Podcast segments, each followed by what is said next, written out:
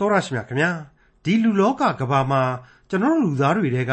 ဖြစ်ချင်းမလားဖြစ်ကြရတဲ့သူတွေကိုမြင်တွေ့ကြရတဲ့အခါသူ့ဘဝအကျိုးပေးကိုကဒီလိုလာတာကိုလို့ဆိုမှာလားအဲ့ဒီလိုဖြစ်ချင်းမလားဖြစ်ကြရရှာတာတွေဟာသူ့ဘဝအကျိုးပေးကြောင့်လား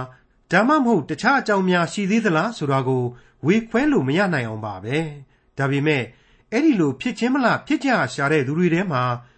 အစ္စရေးခေါ်ဂျူးလူမျိုးတွေပါဝင်တယ်ဆိုတာကိုတော့ မငြင်းနိုင်ပါဘူး။ထာဝရအရှင်မြတ်စွာဘုရားသခင်ကိုယုံကြည်ပါ၏။ကိုးကွယ်ပါ၏လို့ကြိမ်ဆိုပြီးတော့ကို ပြောခဲ့ကြတဲ့သူတွေဘာကြောင့်များကမ္ဘာအလယ်မှာဘယ်လိုများမရှုမလဖြစ်ခဲ့ရပြီးအဲ့ဒီလိုအဖြစ်ဆိုးကနေဘယ်လိုများရုံထွက်လွတ်မြောက်နိုင်ခဲ့ကြသလဲဆိုတာကိုဖော်ပြထားတဲ့ခရိယန်တမန်ကျမ်းဓမ္မဟောင်းကျမ်းပိုင်းတွေက123ခု124ခုနဲ့125ခုမြောက်သောစာလံကျမ်းတွေကို ဒီကနေ့တင်ပြရသောတမန်ကျမ်းအစီအစဉ်မှာလေ့လာမှာဖြစ်ပါတယ်။ဟိုးရှိကာလကနေအခုအချိန်ကာလအထိအချင်းများနေကြရတဲ့အရှိအလယ်ပိုင်းဒေသကဂျေရုရှလင်မြို့တော်တည်ရှိလာပုံအကြောင်းရှင်းလင်းဖော်ပြခြင်းနဲ့အတူ123ခု124ခုနဲ့125ခုမြောက်သောစာလံကျမ်းတွေကိုဒေါက်တာထွန်းမြတ်အေးကအခုလိုလေ့လာသုံးသပ်ဖော်ပြမှာဖြစ်ပါတယ်။ သောတာရှင်မိတ်ဆွေအပေါင်းတို့အတွက်ကျွန်တော်သင်သိရသောတမန်ကျမ်းများကိုတင်ဆက်ပေးလာခဲ့တာဟာအစီအစဉ်ပေါင်း914ခုအထိရှိခဲ့ပါပြီ။အခုအချိန်မှဆိုရင်ကျွန်တော်ဟာအလွန်စိတ်ဝင်စားစရာကောင်းတဲ့လောကတန်တရားအာဂန္တုဧည့်သည်များရဲ့ဘဝရုပ်စုံအဖုံပုံကိုဖော်ပြနေတဲ့ဆာလံတီချင်းများကိုလေ့လာနေကြဆဲဖြစ်ပါတယ်။အဲ့ဒီအထက်ကဆာလံ122ခုအထိပြီးခဲ့သွားလို့အခုအချိန်မှာတော့123ခုမြောက်သောဆာလံတီချင်းကို ကျွန်တော်လေ့လာနားဆင်ကြရတော့မှာဖြစ်ပါတယ်မိษွေအပေါင်းတို့120ခုမြောက်ကလေးကစလာတဲ့ဧည့်သည်အာဂန္တုများနဲ့တူတဲ့လူသားတို့ရဲ့ဘဝတရုပ်ဖော်ဆာလံလင်္ကာတည်ခြင်းများစွာတို့ဟာဣသရေလသမိုင်းဖြစ်ရမှန်တွေကိုအခြေခံပြီးတော့ကျွန်တော်လူသားတွေအားလုံးကိုတန်ဝေကရကျင့်စဖွဲ့သောဖော်ပြချက်များနဲ့ဩဝါဒပြုပေးနေပါတယ်တစ်ချိန်တည်းမှာဒီဆာလံတည်ခြင်းတို့ဟာအခရာစာလုံးတွေအဖြစ်ကနေပြီးတော့ လက်တွေ့မှန်ကန်တဲ့သစ္စာစကားများဖြစ်လာပြီးတော့အခုဆာလံဆရာတို့ဟာတပုတ်ပြီးတပုတ်ရေးထုတ်ဆက်ဆိုနေတဲ့အချိန်ကာလရဲ့နောက်ပိုင်းနှစ်ပေါင်း600 900အနည်းဆုံးကွာဝေးချိန်မှာတော့လူမျိုးတော်ဣသရီလာတို့ဟာအမှန်တကယ်ပဲအပြည့်ရိပ်ကျွန်ဘဝကိုဆင်းသက်သွားရတယ်ပြီးနောက်မှာတော့နှစ်ပေါင်းများစွာအကြာမှာဘုရားသခင်ကျေးဇူးတော်ကြောင့်ပြန်လည်လွတ်မြောက်လာပြီးတော့အာဂန္တုဧည့်သည်များအဖြစ်ခရီးလမ်းစဉ်မှာ ကယ်တင်ရှင်ကျေးဇူးကိုခံစားပြီးတော့တည်ဆိုရသောတေးသီးခြင်းများဖြစ်လာရတယ်။အဲ့ဒီနှောင်းကာလဣသရေလလူမျိုးတော်အတွက်လက်တွေ့ဘဝဖြစ်အင်များကိုလက်ညောင်းခံပြီးတော့နေ့စဉ်မှတ်တမ်းရေးစရာမလိုလောက်အောင်ဆာလံဆရာတို့ဟာကြိုတင်ပြီးတော့ကပီးရေးထိုးပေးလိုက်ခြင်းပဲဖြစ်စေတယ်လို့ဖြစ်ခဲ့ရပြီလို့ကျွန်တော်အတတ်နိုင်ဆုံးရှင်းလင်းဖော်ပြခဲ့ပြီးဖြစ်ပါတယ်မိ쇠အပေါင်းတို့ခမညာနှုတ်ကပတ်တော်ဟာဘလောက်အထိအသက်ရှိသလဲ ရှေးကာလနှစ်ပေါင်းများစွာကဆာလံတီချင်းတို့ဟာနှောင်းပိုင်းဣတရီလာတို့အတွက်ကွက်တိဗျာဒိတ်တော်များဖြစ်စေခဲ့ပါပြီဟုတ်ပါတယ်120ခုမြောက်သောဆာလံမှာဆိုရင်မေရှက်ပြည်မှာတဲခိုရသလိုကဘာအရရက်ကိုပြန့်နှံ့သွားရတယ်ဆိုတာကိုဖော်ပြတယ်ပြီးတဲ့နောက်ကေဒါတဲမှာနေရသလိုဆွေမကင်းမျိုးမကင်းမြောက်ဖက်အာရေဗျနိုင်ငံကြီးတွေစီမှာကျွန်အဖြစ်ရောက်ရှိသွားခဲ့ရပြန်တယ်ထက်လှတဲ့မြားတွေ တညီညီတောက်လောင်နေတဲ့မိခဲတွေနဲ့ထိခိုက်ရတယ်လို့ဒုက္ခတွေပင်လယ်ဝေခဲ့ရတယ်စိတ်ဆင်းရဲခြင်းပေါင်းမြောက်များစွာနဲ့ကျွန်ဘဝမှာရင်ဆိုင်ခဲ့ရတယ်အဲ့ဒါဟာငြိမ်သက်ခြင်းကိုနှစ်ချိုက်ပြီးမြဲငြိမ်သက်ခြင်းကိုဘလောက်ပဲနှစ်ချိုက်တယ်လို့ပြောနေပြီးမြဲတန့်ရှင်းခြင်းရှိသောအရှင်ငြိမ်သက်ခြင်းကိုပေးစွန်းနိုင်သောဘုရားသခင်ကိုဆန့်ကျင်ပုန်ကန်မိတဲ့အပြစ်တွေကြောင့်ပဲဆိုတာကိုကျွန်တော်နှုတ်ကပတ်တော်အရာထင်ရှားစွာသဘောပေါက်နိုင်ပါတယ်အဲ့ဒီအဆင့်ကနေတဖန် 121ခုမြောက်သောဆာလံပြီးချင်းကြတော့အိမ်ပြန်ချိန်တေးလို့ကျွန်တော်ကနာမည်ပေးခဲ့တယ်အဲ့ဒီအိမ်ပြန်ချိန်တေးအဖြစ်အဖဖျားသခင်ရဲ့စောက်မတော်မူခြင်းတွေကိုပြန်လဲတန်းတရာအချိန်ကိုသူတို့ရောက်ခဲ့ကြတယ်ဣသရေလနဲ့ယူဒတောင်ရိုးကြီးတွေကိုငေးကြည့်ပြီးတော့အသက်ရှင်တော်မူသောထာဝရဘုရားသခင်ရဲ့ကျေးဇူးတော်ကိုတဖန်ထိတွေ့ခံစားလာကြရတယ်သူ့ရဲ့လူမျိုးတော်သူ့ကိုယုံကြည်သူတို့အတွက်နေညမပြတ်စောင့်ထိန်တော်မူခြင်းကျေးဇူးဆရာကိုချီးမွမ်းကြတယ် ချီးမွမ်းလို့ကိုဘယ်လို့မှမကုန်နိုင်တဲ့အဲ့ဒီအနန္တတကုရှင်ဘုရားသခင်ဟာသူတို့တွေကိုအစဉ်တစိုက်စောင့်ကြည့်ပြီးတော့အပြစ်ကိုလည်းစီရင်တော်မူခဲ့တယ်ဆိုတဲ့ဘုံတကိုးတော်ကြီးမားခြင်းအကြောင်းတွေကိုသူတို့အမှတ်ရလာကြတယ်ဆိုတာတွေကိုကျွန်တော်တို့ဟာပြီးခဲ့တဲ့ဆာလံတွေအားဖြင့်ထင်ရှားစွာတွေ့ရပြီးဖြစ်ပါတယ်အဲ့ဒီလိုနဲ့အပြစ်မှလွတ်မြောက်ခြင်းကောင်းကြီးကိုပြန်လဲခံစားရခြင်းနဲ့တကွာငြိမ်းချမ်းခြင်းရဲ့အရှင်ဟာလေတန်ရှင်းရမြို့တော်ဖြစ်တဲ့ယေရုရှလင်မြို့တော်ကြီးအထိ သူတို့ကိုပို့ဆောင်ခဲ့ပြီမို့ဒါကြောင့်မြို့တော်ကြီးတဲ့ကိုတို့ဖြင့်ဝင်ကြစို့မြို့တကားတို့အတွင်းမှာပဲနေထိုင်ကြပါစို့ဆိုပြီးတော့သူတို့တွေကြွေးကြော်ခဲ့ကြတာဒီဒီမြို့တော်ကြီးဟာကျေးဇူးနဲ့ဂရုဏာပလင်တော်တည်ရှိရာအရက်ဖြစ်တယ်ဒါဝိဒ်ရဲ့ယာဇပလင်တည်ရှိသောမြို့တော်ကြီးဖြစ်တယ်ဒီမြို့ကိုမျက်နှိုးသောသူအပေါင်းတို့၌ချမ်းသာခြင်းငြိမ်ဝှက်ခြင်းရှိကြပါစေသောဆိုပြီးတော့ တည်ခြင်းတွေတည်ဆိုရင်းနဲ့စုမင်္ဂလာများတောင်းလျှောက်ခွင့်ရခဲ့ကြပြီဆိုတာကိုလေဆာလံ122ခုမြောက်သောဆာလံအားဖြင့်ကျွန်တော်တို့နားဆင်ကြကြပြီဖြစ်ပါတယ်မိษွေတော်တတ်ရှင်အပေါင်းတို့ခမညာဒါဟာပြီးခဲ့သောအာဂန်ဒုတို့နှင့်သက်ဆိုင်ရာဆာလံတို့အကြောင်းအချင်းချုပ်ဖြစ်ပါတယ်နှုတ်ကပတ်တော်တို့ရဲ့ရှင်သန်ခြင်းသစ္စာတည်ခြင်းဆိုတာတွေဟာအံ့ဩဖို့ကောင်းလောက်အောင်အတီးပြုတ်ရလိမ့်မယ်လို့ကျွန်တော်ဆိုချင်ပါတယ် ဓမ္မသမိုင်းမှာသာမကကပ္ပသမိုင်းနဲ့ပါကိုက်ညှိကြည့်လိုက်ရင်ဆာလံတီချင်းရဲ့ဗျာဒိတ်တို့ဟာဖြင့်အချို့အစိတ်အပိုင်းတို့မှာမငင်းနိုင်လောက်အောင်ပြည့်စုံခဲ့ပြီးပြီလို့ကျွန်တော်ဆိုချင်ပါတယ်တခုသတိထားရမှာကတော့ကျွန်တော်ပြောတာဟာတချို့အစိတ်အပိုင်းလို့ဆိုတဲ့အချက်ကိုသတိထားဖို့ပါမှန်ပါတယ်ကပ်ကာလရဲ့တရားစီရင်ခြင်းတွေကောင်းကင်နိုင်ငံတော်တည်ထောင်ခြင်းနဲ့ပတ်သက်တာတွေအတွက်ကတော့ဂန္ဓာတစ်ခုခြံထားကြရလိမ့်ဦးမယ် ဝိညာဉ်ခွန်အားနဲ့အဖြေရှာဖို့ကြံနေသေးတယ်နှုတ်ကပတ်တော်တမန်ကျမ်းစာရဲ့အစိတ်အပိုင်းပေါင်းမြောက်များစွာကိုယူပြီးတော့တွက်ဆစဉ်းစားဖို့ရန်ဒီအမြောက်အများရှိနေသေးတယ်လို့ကျွန်တော်ဆိုချင်ပါတယ်အဲ့ဒီလိုကျွန်တော်တို့တွေးခေါ်ယုံတဲ့လေကျွန်တော်တို့ဘာမှမတတ်နိုင်ဘူးလို့ပြက်ပြက်သားသားပဲဝန်ခံရမှာပါအဲ့ဒီကပ်ကာလအချိန်အတွက်ကတော့ဆူတောင်းလျက်စောင့်နေကြယုံကလွဲပြီးတော့ကျွန်တော်တို့ဘာဆိုဘာမှမတတ်နိုင်ဘူးတစ်ချိန်တည်းမှာကယ်တင်ရှင်ယေရှုကိုပြုတော်မူခဲ့တဲ့သခင်ဟာ အနာဂတ်ကာလအချိန်မှာတရားစီရင်ဖို့ရန်ကြွလာတော်မူလိမ့်ဦးမည်ဆိုတဲ့အချက်ကတော့ဘယ်လို့မှမငင်းနိုင်တာဟာဧကန်အမှန်ပဲလို့ကျွန်တော်ထပ်ဆင့်သတိပေးလိုက်ပါတယ်။ကောင်းကင်ဘုံ၌ကျင်းဝတ်တော်မူသောဖျားကိုတော်ကိုကျွန်ုပ်မျှော်ကြည့်ပါ၏။အဲ့ဒါကတော့ဒီကနေ့သင်ခန်းစာမှာ123ခုမြောက်သောဆာလံကဖွင့်ပေးလိုက်တဲ့ကြမ်းချက်ပါပဲ။ဘယ်လိုရှိစမိတ်ဆွေတို့ပြီးခဲ့တဲ့122ခုမြောက်သောဆာလံကလေးက ဒီမြို့တော်ဒီဗိမ္မာန်တော်ဒီတဲတော်မှာငါတဲခုမယ်ဆိုပြီးတော့ပြောလို့သားလျင်ဒီအရက်ဒေသတွေဟာတကိုးချက်ချင်းထပြီးတော့တောက်ပသွားရတာတစ်ချိန်တော့ငါဟာစည်းအုံကိုဗဟိုပြုတ်ပြီးတော့ကောင်းကင်နိုင်ငံတော်ကိုမြေပေါ်မှာတည်ထောင်မယ်ဆိုပြီးတော့လေအခိုင်အမာဘုရားသခင်ကြီးညာထားတဲ့အတွက်ကြောင့်သာလျင်ဒီဒေသနဲ့ပတ်သက်ပြီးတော့ကျွန်တော်တို့ယူသေးဥညွတ်နေကြရတာတန်ရှင်းသောမြေတန်ရှင်းသောမြို့တော်ဗြိညင်များခံယူရရက်ဆိုပြီးတော့ ကျွန်တော်တို့ယင်ထဲမှာမျက်မျက်နူနူခံယူထားကြရတာကျွန်တော်ရဲ့စိတ်ဝိညာဉ်မှာခံယူရမယ့်အချက်ကတော့ဘုရားသခင်ဟာစัจ java လာနဲ့တောင်းမှမဆန့်မခန့်နိုင်တဲ့အနန္တတကုရှင်ဖြစ်တယ်။နံဝိညာဉ်ဖြစ်တော်မူတယ်။ဒီမြေကြီးနဲ့ဒီမြေကြီးတစားဒီလောကရနဲ့ဒီလောကသားအကုန်လုံးကိုသူပိုင်တယ်ဆိုတဲ့ပရမတ္တသစ္စာတရားကိုတစ်ချက်ကလေးမှမေ့မထားဘူးပါပဲ။အခုဆိုရင်ဆာလံဆရာဟာအဲ့ဒီအတိတ်သင်ခန်းစာကိုထပ်ပြီးတော့အတီးပြုတ်လိုက်ပါပြီ။ ကောင်းကင်ဘုံ၌ကျင်းဝတ်တော်မူသောဖခင်ကိုတော်ကိုအကျွန်ုပ်မျှော်ကြည့်ပါ၏တဲ့မရှင်းဘူးလားကပ္ပအရှိပြားကအာရှသားတွေဘုရားသခင်ကိုမျှော်ကြည့်လို့ရတယ်အာဖရိကတောနယ်ကြီးတွေကလူတွေကမျှော်ကြည့်လို့ရတာပါပဲတောင်ဝင်ရိုးစွန်းမြောက်ဝင်ရိုးစွန်းဘယ်အရက်ကမဆိုမျှော်ကြည့်နိုင်တာပါပဲကောင်းကင်ဆိုတာဟာသူပိုင်တယ်သူရှိတယ်လို့ဆိုထားတယ်မဟုတ်ဘူးလားအဲ့ဒီလိုပါပဲ သူကိုယ်တိုင်လူစားတိကိုခံယူလိုက်တဲ့အခါကျတော့ကယ်တင်ရှင်သခင်ခရစ်တော်ဆိုပြီးတော့ဖြစ်သွားတယ်ခရစ်တော်ကလည်းငါသည်သင်တို့နှင့်အစဉ်ကပ်ကာလကုံဆုံးသည့်တိုင်အောင်ရှိတော်မူမည်တဲ့ပြီးတော့မှတခါသင်တို့အတွက်ငါ၏တန်ရှင်းသောဝိညာဉ်တော်ကိုငါချထားပေးတယ်ငါအတွက်ယေရုရှလင်ကစပြီးတော့ယူရရှမာရိမှသည်မြေကြီးစွန်းတိုင်အောင်ငါအတွက်တက်တည်ဖြစ်စီကြလောတဲ့ဒီတော့ကျွန်တော်ဟာဒီဘုရားသခင်ကိုဘယ်အခြေအနေဘယ်အချိန်အခါ ဘယ်အရက်ဘယ်ဒေသမှာပဲရှိနေနေကိုးကွယ်ဝတ်ပြုနိုင်တယ်မျှော်ကြည့်နိုင်တယ်တောင်းစုပြုနိုင်တယ်ဆိုတာဟာရှင်းနေပြီမဟုတ်ဘူးလား123ခုမြောက်သောဆာလံအငယ်နှစ်ကျွန်တို့သည်သခင်လက်ကို၎င်းကျွန်မတို့သည်သခင်မလက်ကို၎င်းမျှော်ကြည့်သည်နိတူအကျွန်ုပ်တို့သည်ကယ်မသနာတော်မူခြင်းကျေးဇူးကိုမခံမီတိုင်အောင်အကျွန်ုပ်တို့၏ဘုရားသခင်ထာဝရဘုရားကိုမျှော်ကြည့်လျက်နေကြပါ၏ကဲ ပြီးခဲ့တဲ့122ခုမြောက်သောဆာလံကိုသာနားထောင်ထားမိပြီဆိုရင်ဒါဟာဘာဆန်းတဲ့အချက်ဖြစ်သေးလို့လေရှင်းနေပြီမဟုတ်ဘူးလားငိုင်မြည်ခြင်းမရှိ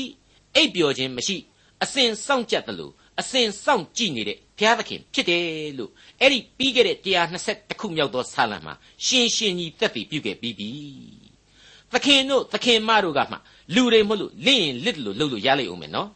ဘုရားသခင်ကိုတော့ဘယ်လို့မှသွားပြီးတော့ မလိမ့်တပတ်သွားပြီးတော့မလှုပ်ကြလေနဲ့တပတ်မရိုက်ကြလေနဲ့136ခုမြောက်သောဆာလံမှာဆိုရင်လူမဖြစ်ခင်သတိသားဘဝကြောက်မဲ့ဖွယ်သောအလုံးအထွေးကလေးကာလမှားပင်ဖြင့်ဖျားသခင်ဟာကြည့်ရှုလို့မြင်တယ်စိတ်ဆက်စေတယ်ကြောက်ကသို့မဟုတ်နှလုံးသဲပုတ်ကိုပင်ဖန်ဆင်းပေးတယ်ဆိုတာတွေကိုဖော်ပြထားပါတယ်ဒီတော့ကျွန်တော်တို့လူသားဟာဘယ်လိုလုပ်ပြီးတော့ဒီထာဝရဘုရားထံတော်ကပြေးလို့လွတ်မှာတော့ဒီသခင်ကိုအပြောတစ်မျိုးအလုပ်တစ်မျိုးနဲ့ဆက်ဆံလို့ရမှာတော့ 123ခုမြောက်သောဇာလံအငယ်3နဲ့4အိုးထာဝရဘုရားကယ်မသနာတော်မူပါအကျွန်ုပ်တို့သည်အလွန်အရှက်ကွဲခြင်းကိုခံရပါသည်ဖြစ်၍ကယ်မသနာတော်မူပါမထီမဲ့မြင်ပြုသောသူတို့၏ကဲ့ရဲ့ခြင်းကို၎င်းမာနကြီးသောသူတို့၏အရှက်ခွဲခြင်းကို၎င်းအကျွန်ုပ်တို့၏ဝိညာဉ်သည်အလွန်ခံရပါ၏ဣသရေလလူမျိုးတော်ရဲ့အဖြစ်တစ်နှစ်အမှန်ကိုပွင့်ပွင့်လင်းလင်းပြောရမယ်ဆိုရင်အဲ့ဒီအတိုင်းအမှန်ဖြစ်ခဲ့တယ် အင်္ဂလိပ်လင်္ကာရှင်ကြီး Shakespeare ရေးခဲ့တဲ့ Merchant of Venice ဆိုတဲ့ထဲကမကောင်းမကန့်လူညစ်ပတ် Sherlock ဆိုတဲ့ဂျူးအကြောင်းကိုကျွန်တော်တို့ဖတ်ရှုနိုင်ပါတယ် Scotland စာရေးဆရာကြီး Sir Walter Scott ရဲ့ Ivanhoe ဝတ္ထုကြီးတဲ့ကဂျူးလူမျိုး Isaac ရဲ့အကြောင်းကိုစဉ်းစားကြည့်နိုင်ပါတယ်တရုတ်ပြည်ရောက်ဂျူးမိသားစုတစုရဲ့အကြောင်းကို Pearl Espark ရဲ့ The Good Earth ဆိုတဲ့စာအုပ်ကြီးထဲမှာတွေ့မြင်နိုင်ပါတယ်ဒုတိယကမ္ဘာစစ်အတွင်းက ဟစ်တလလက်အောက်ကိုရောက်ခဲ့ရဘူးသူဂျူးတွေရဲ့အကြောင်းကိုလေသမိုင်းစာမျက်နှာတွေမှာပြန်လှန်လေ့လာကြည့်မြင်နိုင်ပါတယ်အဲ့ဒီလိုဖြစ်ချင်းမလှဖြစ်ခဲ့ရဓာတွေရဲ့အစကတော့ဖျားသခင်ကိုပြစ်ပယ်ခြင်းတော်လှန်ခြင်းမေးလျော့ကြောခိုင်းပြီးတော့အပြစ်ဒုစရိုက်များကိုကောက်ကောက်ပါအောင်လိုက်သွားခဲ့ခြင်းတွေပဲဖြစ်ပါတယ်မိษွေအပေါင်းတို့ခမညာမပြောခြင်းလောက်အောင်အိန္ဒိယပြက်ရတဲ့အထိဂျူးဣသရေလတွေရဲ့ပုံစံဟာအဲ့ဒီလိုသိပ်ပြီးတော့ပီပီပြင်းပြင်းထင်းထင်းရှားရှားရုပ်ပြက်ခဲ့ရတယ်။ သမိုင်းမှာအကြီးကံသွားခဲ့ရတယ်ဆိုရင်ကျွန်တော်မေးချင်ပါတယ်။ဖျားသခင်ကိုတော်လှန်သူဘယ်လူမျိုးဟာကောဒီလိုမဖြစ်ဖဲနေသလဲဆိုတာကိုစဉ်းစားဖို့ပါ။အသက်လမ်းပေါ်ကနေအပြက်လမ်းပေါ်သို့ဆင်းသက်သူလူသားတိုင်းဟာအဲ့ဒီအတိုင်းဖြစ်ရစမြဲဖြစ်တယ်။စာရမဏေရဲ့ဘက်ကိုကူးရောက်သွားပြီဆိုတာနဲ့အနိဋ္ဌာယုံတွေဟာမှုလို့ဟိုကဒီကတဖွာဖွာပေါက်လာရလိမ့်မယ်ဆိုတာကိုကျွန်တော်အလေးအနက်သတိပေးတင်ပြလိုက်ပါတယ်မိษွေအပေါင်းတို့ခမညာ 123ခုမြောက်သောဆာလံတီချင်းဟာလူမျိုးတော်ရဲ့အနာဂတ်အရေးမျှော်ကြည့်ခြင်းဆာလံလို့ကျွန်တော်တို့ဆိုနိုင်ပါတယ်ဟုတ်ပါတယ်အငယ်1နဲ့2အတွင်းမှာပဲမျှော်ကြည့်ခြင်းဆိုတာကိုကျွန်တော်တို့၃ချိန်တွေ့မြင်နိုင်ပါတယ်ကောင်းကင်ဘုံ၌ကျိန်းဝတ်တော်မူသောဖျားကိုတော်ကိုကျွန်ုပ်မျှော်ကြည့်ပါ၏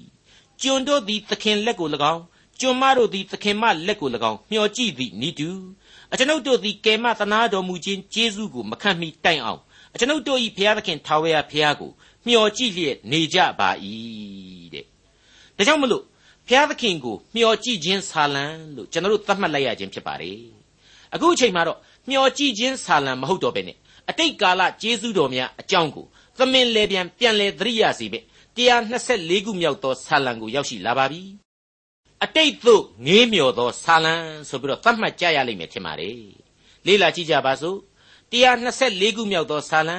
အငယ်1မှ3ထာဝရဘုရားသည်ငါတို့ဘက်မှရှိတော်မမူလျင်ဟူသောစကားနှင့်ချီ၍ဣသရေလအမျိုးဆိုရသောစကားဟူမူကားထာဝရဘုရားသည်ငါတို့ဘက်မှရှိတော်မမူလျင်လူတို့သည်ငါတို့ရံဘက်၌နေကြသောအခါအမျက်ထွက်၍ငါတို့ကိုအသက်နှင့်တကွမျိုးကြပြီတကားအနှစ်သာရပိုင်းချင်းစီပိုင်းကတော့ပေါ်လွင်ထင်ရှားနေပါတယ်ဘယ်လို့မှညင်းလို့မရတဲ့အနှစ်သာရပေါ့ အဲ့ဒါဟာတခြားမဟုတ်ဘူးထာဝရဘုရားသည်ငါတို့ဘက်မှာရှိတော်မမူလျင်တဲ့ကဲကြောက်เสียမကောင်းဘူးလားအဲ့ဒီလိုကိုယ့်ဘက်မှာသာထာဝရဘုရားမရှိရင်တော့အဆိုးဆုံးသောဆုံးရှုံးခြင်းဟာအသက်နှင့်တကွသောဆုံးရှုံးခြင်းတဲ့မိษွေတို့ကြီးအဲ့ဒီလိုအသက်ပါသွားပြီဆိုမှတော့ဘာများကြံအောင်မှလဲကြံနာတွေဟာရောဘာများအတိတ်ပဲရှိအောင်မှလဲဟုတ်ပါတယ် ထာဝရဘုရားဟာအသက်ကိုပေးပိုင်တယ်လို့ထုတ်ယူပိုင်ခွင့်ရှိတယ်အကျွေးမဲ့အာနာရှင်ဖြစ်တယ်ဆိုတာကိုကျွန်တော်တို့အထူးနားလည်ထားဖို့လိုပါတယ်အထူးသဖြင့်လူသားရဲ့ရုပ်ဘဝအဖို့မှန်ကန်သလိုလောကုတ်တရားထာဝရအသက်ကိုရယူခွင့်အတွက်ကိုလေသူသာပေးနိုင်တယ်မထိုက်တန်ဘူးလို့လေသူသာလျှင်ဆုံးဖြတ်နိုင်ပါတယ်အခုဆိုရင်ဆာလံတည်ခြင်းစကားတို့အရာအဲ့ဒီလိုအသက်နဲ့မျိုးတာဟာအပြင်းရန်အားဖြင့်ဘုရားသခင်ကမျိုးတာလားဆိုတော့မဟုတ်ပါဘူး စာရန်ဘက်တော်သားရန်သူတွေကသာမျိုးတာပါဘာဖြစ်လို့အဲ့ဒီလိုမျိုးနိုင်တယ်လဲဆိုတော့ဘုရားသခင်ဟာသူကိုယ်တိုင်ရွေးကောက်ပါတယ်ဆိုတဲ့လူတွေကိုအပြစ်ပေးလိုက်ပြီစွန့်ပစ်လိုက်ပြီဒါကြောင့်မလို့လူမျိုးတော်ဟာအလွန်ဖုံးနှိမ်သွားပြီဘာအစွန်းတကူဘာတတ်တိမှမရှိတော့ဘူးလေအစွန်းအစဘာမှမရှိတော့ဘူးဆိုတဲ့အချက်ဟာအချင်းသားပေါ်လွင်နေပါတယ်ရှင်းရှင်းကလေးပြောရရင်တော့ရန်သူလက်ကိုရောက်ဖို့အတွက်အမျိုးမျိုးသောအကြောင်းတွေဟာ ဘယ်လို့မှသာမန်လူသားနားမလည်နိုင်အောင်လို့မှုို့လိုပေါက်လာကြခြင်းပဲပြုတ်ပြုတ်ပြုတ်ပြုတ်နဲ့ဒုက္ခတွေဟာဟိုအပေါ်ဒီအပေါက်နဲ့လူသားတွေကိုဝိုင်းဝိုင်းလဲအောင်မျိုးပစ်လိုက်ပြီဒီအတိတ်ပဲပါပဲ124ခုမြောက်သောဇာလံအငယ်6မှ8သူတို့သွားနှင့်ကြိုက်ခဲရာဖို့ငါတို့ကိုအတ်တော်မမူသောထာဝရဘုရားသည်မင်္ဂလာရှိတော်မူစေတည်းငှက်သည်မုတ်ဆိုးတို့ဤကြော့ကွင်းတဲကလွတ်တဲ့ကဲ့သို့ငါတို့အသက်သည်လွတ်လျက်ရှိ၏ ကြော့ကွင်းပြတ်၍ငါတို့သည်လွတ်ကြပြီကောင်းကင်နှင့်မြေကြီးကိုဖန်ဆင်းတော်မူသောထာဝရဘုရား၏နာမတော်အားဖြင့်ငါတို့သည်မဆခြင်းကျေးဇူးကိုခံရကြသတည်းမိတ်ဆွေတော်တတ်ရှင်အပေါင်းတို့ခမညာဘုရားသခင်မကြိုက်တာတွေကိုလုပ်တယ်အဲ့ဒီအခါမှာအပြစ်ဒဏ်ကိုခါဆင်းပြီးတော့ခံရတယ်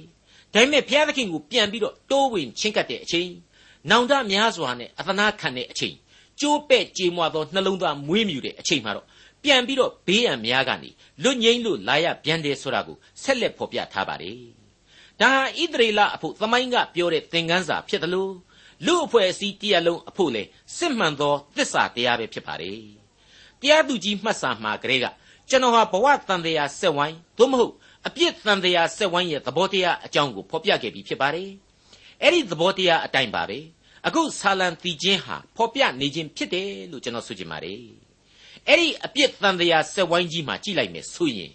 လူသားတွေဟာကောင်းကြီးမင်္ဂလာတွေကိုအမြောက်အများခံစားနေရကနေပြီးတော့ကောင်းကြီးမင်္ဂလာကိုစတင်ပြီးတော့ထော်လောကန့်လန့်လုပ်တယ်ဖျားသခင်ကိုစပြီးတော့မသိမသာမေ့လျော့တယ်နောက်ပိုင်းမှာပုံမမေ့လျော့တယ်ကြာလာတဲ့အခါကျတော့အပြစ်နွန်တွင်းကိုတက်ဆင်းတယ်ကျွန်ဘဝကိုရောက်တယ်အဲ့ဒီအချိန်မှာတန်တမြည်တမ်းတယ်ဖျားသခင်ဟာကောင်းကြီးနဲ့ဏိဒန်းပြူတယ်ဖျားသခင်ကိုသူတို့ဟာပြန်လဲကိုးကွယ်တယ်အဲ့ဒီဤအားဖြင့် ကောင်းကြီးတန်တရားဟာတပတ်ပြန်လဲရတယ်ဆိုတဲ့အကြောင်းကိုကျွန်တော်ဖော်ပြခဲ့ပါတယ်ဒီတန်တရားဟာအတိတ်ပြစ္ဆုတ်ပံအနာဂတ်လူသမိုင်းမှာမယိုးမဆွဲပဲဖြစ်ပေါ်နေလေအောင်မယ်လို့ကျွန်တော်တင်ပြလိုက်ပါတယ်အခုအချိန်မှာလောကရန်ခရီးသည်ဣသရေလလူမျိုးတော်ဟာသူတို့ရဲ့အတိတ်အကြောင်းတွေကိုပြန်လဲသတိရနေကြပါတယ်အဲ့ဒီလိုအတိတ်ကိုကြည့်လိုက်တော့အလွန်အံ့ဩဖွယ်ပြုတော်မူသောကျေးဇူးတော်နဲ့ကယ်တင်ခြင်းတရားဆိုတာကိုသူတို့ဘွားကနေတွေ့မြင်လာရတယ်တနည်းအားဖြင့်ကတော့ အနာဂတ်ရေးအတွက်မျှော်ကြည့်ခြင်းဆိုတဲ့ပြီးခဲ့တဲ့123ခုမြောက်သောဆာလံမှာဖော်ပြခဲ့တဲ့ရှေ့သို့ခြီယာခြေလှမ်းတို့ကိုပြင်ဆင်တော့မယ်စတော့မယ်ဆိုရင်ဘိုးစဉ်ပေါင်းစစ်တည်ခဲ့တဲ့အတိတ်သင်ခန်းစာအားဖြင့်လောကရန်လူသားတို့ဟာခွန်အားကိုမွေးမြူသွားကြရမှာဖြစ်ပါတယ်။ကောင်းကင်နှင့်မြေကြီးကိုဖန်ဆင်းတော်မူသောထာဝရဘုရား၏နာမတော်အားဖြင့်ငါတို့သည်မဆာခြင်းကျေးဇူးကိုခံရကြသည်တဲ့။ဆာလံဆရာဟာဖော်ပြလိုက်ပါတယ်။ ဟုတ်ပါတယ်။နာမတော်အဖို့အလုံးဟာတရားလမ်းတဲ့၌သွေးဆောင်တော်မူတယ်ဆိုတာကို23ခုမြောက်သောဆာလံပြီးခြင်းမှာကျွန်တော်တို့အထင်ရှားတွေ့ရပါတယ်။ဖျားသခင်နာမည်ကြီးဖို့မဟုတ်သလိုဖျားသခင်ကြော်ကြားဖို့လည်းမဟုတ်ပါဘူး။သမိုင်း၌လူသားတို့ခံစားခဲ့ရတဲ့ကျေးဇူးတော်နဲ့သက်ဆိုင်တဲ့ဗြိညင်တွေ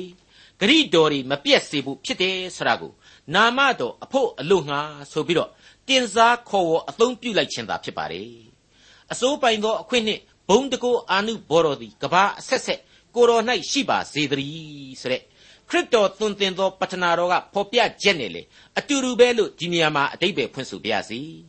မှန်ပါတယ်ကဘာအဆက်ဆက်ဆိုတဲ့တတ္တလောကတည်ရှိခြင်းကိုကျွန်တော်ညံမမိနိုင်ပါဘူး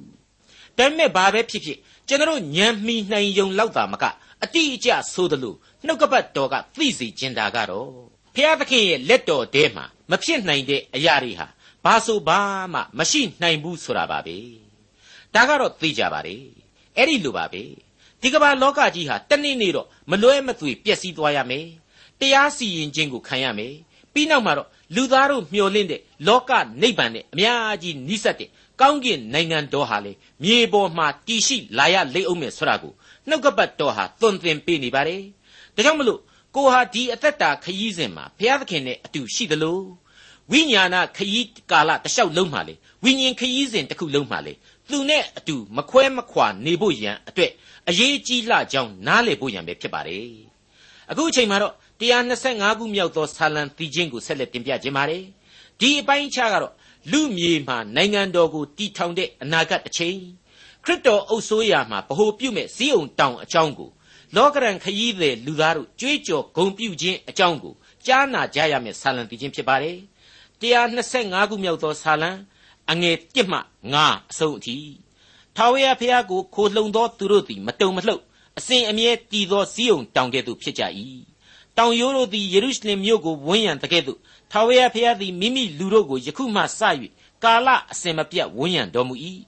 ဖြောင့်မတ်သောသူတို့သည်ဒုစရိုက်ကိုပြုသောအခွင့်မရှိစေခြင်းဟာမတရားသောသူတို့၏လှန်တန်သည်ဖြောင့်မတ်သောသူတို့၏အမွေခံရအဖို့အပေါ်မှာမတိမနေရ။ အိုးထာဝရဘုရားကောင်းသောသူ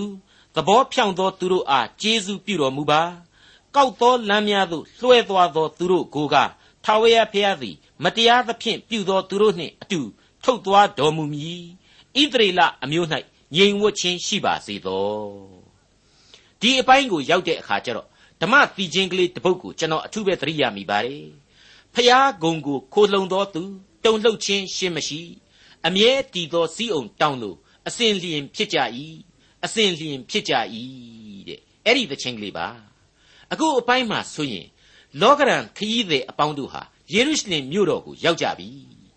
ရှေးခေတ်ပြည့်ညတ်တော်ကာလရဲ့အစဉ်အလာအရဆိုရင်ဘုရားသခင်စီကိုအခုမှပဲသူတို့အမှန်တကယ်ပြန်လဲရောက်ရှိလို့လာကြပြီဆိုတဲ့အသည့်တရားနဲ့သူတို့အဖို့အလွန်ပျော်ရွှင်မြူးတုနေကြပြီလို့ကျွန်တော်တို့အကဲဖြတ်နိုင်ပါတယ်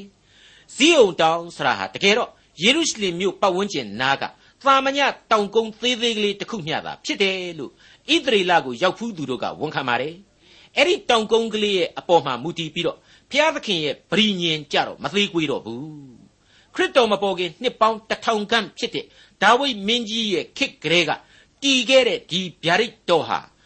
ကကာလကုံဆုံးခြင်းကောင်းကင်နိုင်ငံတော်တည်ထောင်ခြင်းအထိတည်ရှိသွားလိမ့်မယ်ဗျာဒိတ်တော်ပါပဲဒါကိုကျွန်တော်အောက်မေ့နေကြမှာအစဉ်တစိုက်ဖြစ်ပါတယ် မိษွေအပေါင်းတို့